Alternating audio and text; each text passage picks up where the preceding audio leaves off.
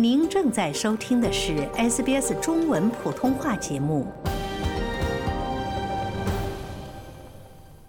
白金汉宫表示，查尔斯国王被诊断出患有一种癌症，现年七十五岁的他将推迟履行公共职责以接受治疗。查尔斯上个月因良性前列腺肥大接受了矫正手术，住院三个晚上，但术后发现了另一个引起关注的问题。王宫表示，检查发现了一种癌症。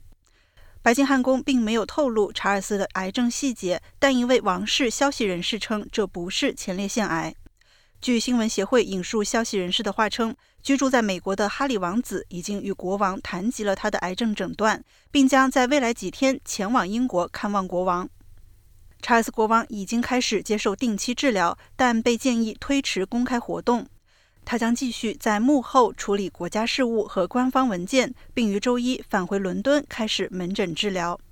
因此，查尔斯将继续与英国首相苏纳克举行会谈，而他的妻子卡米拉王后也将继续他的活动。白金汉宫表示，国王非常感谢医疗团队的迅速干预，这要归功于他最近的住院。他对治疗保持完全积极的态度，并期待着尽快恢复全面的公共职责。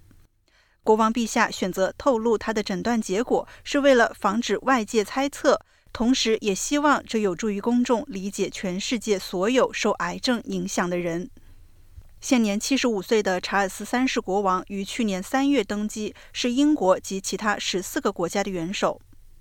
英国首相苏纳克在社交媒体 X 上向国王致以了最美好的祝愿。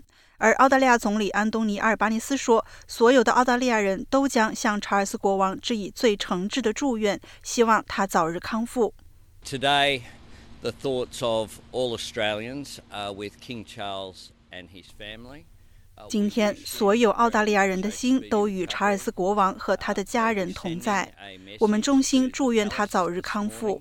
我今天会给王宫发送信息，致以祝愿。我们希望查尔斯国王早日康复，尽快恢复工作。反对党领袖彼得·达顿敦促人们不要拖延就医时间。他说：“我们向查尔斯国王致以最美好的祝愿。他是一个坚韧不拔的人。王宫也想要传达一个信息，那就是一定要去做检查，因为早期诊断非常重要。”当被问及国王的诊断时，美国总统乔·拜登说：“我很担心他，并计划稍后致电查尔斯。”国王和卡米拉王后原定于2024年底出访澳大利亚，但在确诊癌症之后，这次出访是否能够成行，目前已经存疑。阿尔巴尼斯说：“他期待着定于今年十月在萨摩亚举行的英联邦政府首脑会议。”查尔斯国王预计将出席会议，并受邀访问澳大利亚，这是他访问该地区行程的一部分。阿尔巴尼斯说：“我们已经邀请查尔斯国王访问澳大利亚，我们衷心希望能够成行。”喜欢、分享、评论，欢迎您在 Facebook 上关注 SBS 普通话页面。